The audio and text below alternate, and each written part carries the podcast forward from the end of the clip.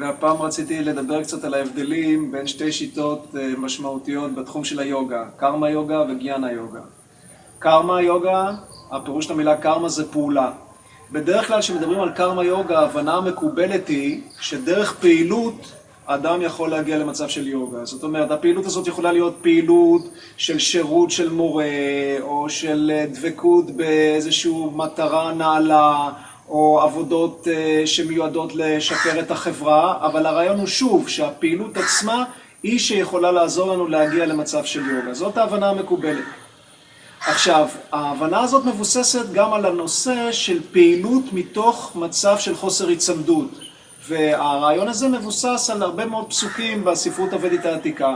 למשל, בבגבד גיתא, פרק 3, פסוק 19, נאמר שפעילות שחייבת להתבצע מרמה, פעילות שמתבצעת מרמה של חוסר היצמדות, יכולה להביא את הבן אדם למציאות העליונה של החיים.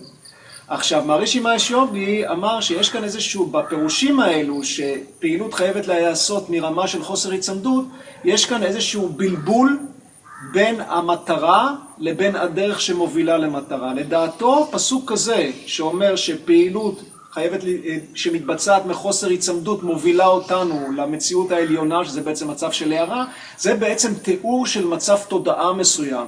מצב של תודעה קוסמית שבו באופן טבעי האדם לא נצמד לפעילות שלו. הוא חווה את העצמי שלו בצורה קבועה, את השקט הזה הפנימי הזאת גם בשעה שהוא עסוק בפעילות, ואז כאשר הוא פועל הוא בעצם בחוסר היצמדות בתוך הפעולה הזאת. הפעולה לא גורמת לו ללכת לאיבוד בתוכה, הוא לא נצמד לפעולה וזה קורה בצורה טבעית.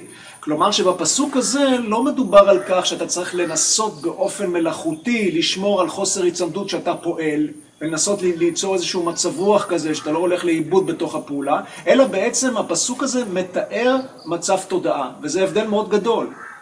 מהרישי אומר שאין דרך להגיע להתנסות ביוגה דרך פעילות. כי בעצם המהות של המילה הזאת יוגה זה אחדות, מצב אחדותי של תודעה, מצב של סמאדי, מצב שבו אנחנו עוברים מעבר לפעילות, מעבר לפעילות מנטלית. אז פעילות עצמה לא יכולה להביא אותנו למצב הזה, אנחנו חייבים לעבור מעבר לפעילות.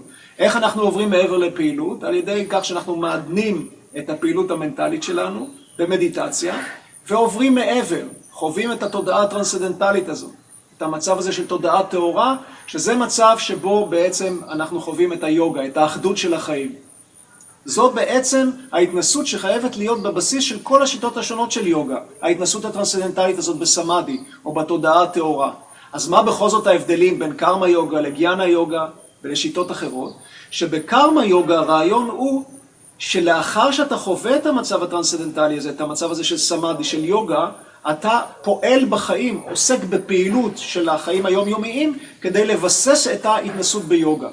זה הרעיון לפי מהרישי של קרמה יוגה, של פעילות נורמלית, הגיונית, נכונה, ראויה בחיים, שמיועדת לאזן את השקט הזה שאתה חווה במצב היוגה, במצב הטרנסדנטלי הזה, שאליו אתה יכול להגיע דרך תרגול של מדיטציה.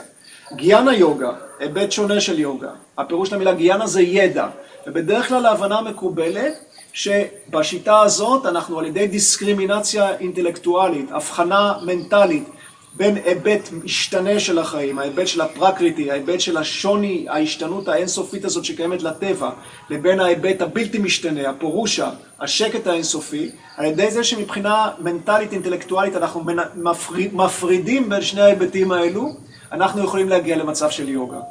אבל שוב, גם כאן, וההבנה הזאת גרמה לכל מיני שיטות שונות ומשונות להופיע, שדיברו על כך שצריך כל הזמן לחשוב על ההבדל בין האי מוגבלות, השקט, לבין השינויים האינסופיים שמתרחשים בחיים.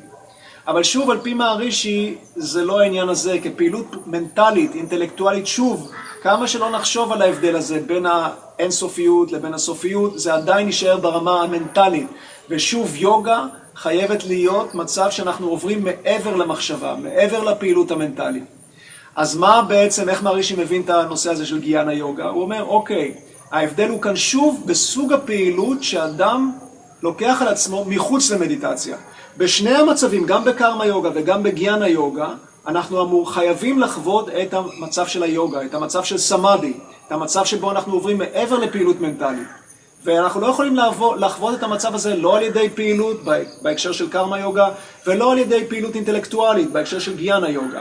בהקשר של גיאנה יוגה, אחרי שחווינו את המצב הזה, את המצב הזה של סמאדי, של תודעה טרנסצנדנטלית של יוגה, אנחנו עוסקים בפעילות אינטלקטואלית, בפעילות שמבחינה בין היחסי לבין המוחלט. באופן מסורתי גיאנה יוגה קשורה לפילוסופיית הסנקיה. פילוסופיית הסנקיה, אחת מששת השיטות של הפילוסופיה ההודית או האופנגות, מדברת על ההפרדה הזאת, על ההפרדה בין הטבע החומרי של החיים, הטבע היחסי המשתנה של החיים, לבין האי מוגבלות הזאת של הפירושה, התודעה הטהורה הזאת שקיימת, שהיא נפרדת מהצד היחסי של החיים. אז זה באופן כללי שיטת הסנקיה, ובהודו מבחינה מסורתית ההתעסקות בשיטת הסנקיה הייתה מיועדת יותר לאנשים שפרשו מהחברה, לנזירים. מדוע? כי הם יכלו לבלות כל היום בהגיגים אינטלקטואליים, בהבחנה המנטלית הזאת בין היחסי לבין המוחלט. אבל גם במקרה הזה מדובר על משהו שהוא תוסף להתנסות הטרנסצנדנטלית עצמה במדיטציה, במצב הזה של האחדות. כלומר, עוד פעם, ההבדל בין השיטות הוא הבדל אחד. סוג הפעילות שאנחנו מקבלים על עצמנו מחוץ למדיטציה, כדי לאזן את השקט שאנחנו חווים במדיטציה. בנושא של קרמה יוגה זה פעילות רגילה שאנחנו עושים בחיים, וזה מתאים לבעל משפחות, לאנשי משפחה שעסוקים בפעילות רגילה בחיים. ובמקרה של הגיאנה יוגה, מה שמאזן את השקט של המדיטציה זה פעילות אינטלקטואלית, זה פעילות פילוסופית של חקירה לטבע היקום דרך פילוסופיית הסנקיה, זה מתאים יותר לנזירים. אבל שוב, הבסיס של כל השיטות זה אותה התנסות בשקט האינסופי הזה, באי מוגבלות הפנימית הזאת, ועל פי מערישי מאיש יוגי, כל אחד יכול לחוות את החוויה הזאת בצורה מאוד פשוטה, מאוד קלה.